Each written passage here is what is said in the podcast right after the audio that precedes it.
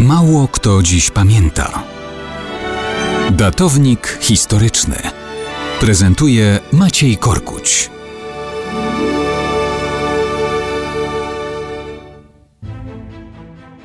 Mało kto dziś pamięta, że 23 maja 1618 roku miała miejsce najsłynniejsza w historii defenestracja.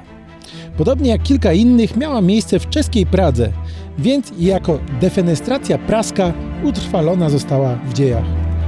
Defenestracja to przykład nazwy, która brzmi całkiem naukowo, a dotyczy czynu najzupełniej banalnego, a wręcz brutalnego i bynajmniej nie mającego nic wspólnego z nauką. Defenestra znaczy po łacinie tyle co z okna przez okno. Dotyczy najzwyklejszego wyrzucania ludzi bądź ich zwłok tą drogą.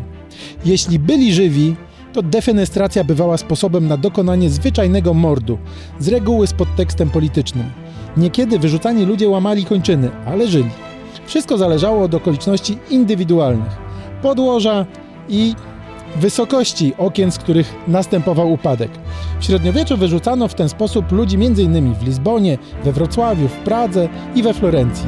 Jednak najsłynniejsza defenestracja to ta praska, już za czasów nowożytnych dokonana. 23 maja 1618 roku na zamku w Hradczanach doszło do kłótni pomiędzy wysłannikami władcy a przedstawicielami czeskiej szlachty. Cesarskich urzędników wyrzucono na bruk z wysokości kilkunastu metrów.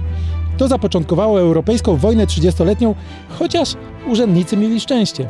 Ponoć wypadli na sterty odpadków żywnościowych wcześniej wyrzucanych przez te okna.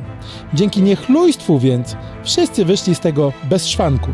Ciekawe, czy wyrzucanie przez okno odpadków nazwiemy naukowo śmieceniem, czy także defenestracją.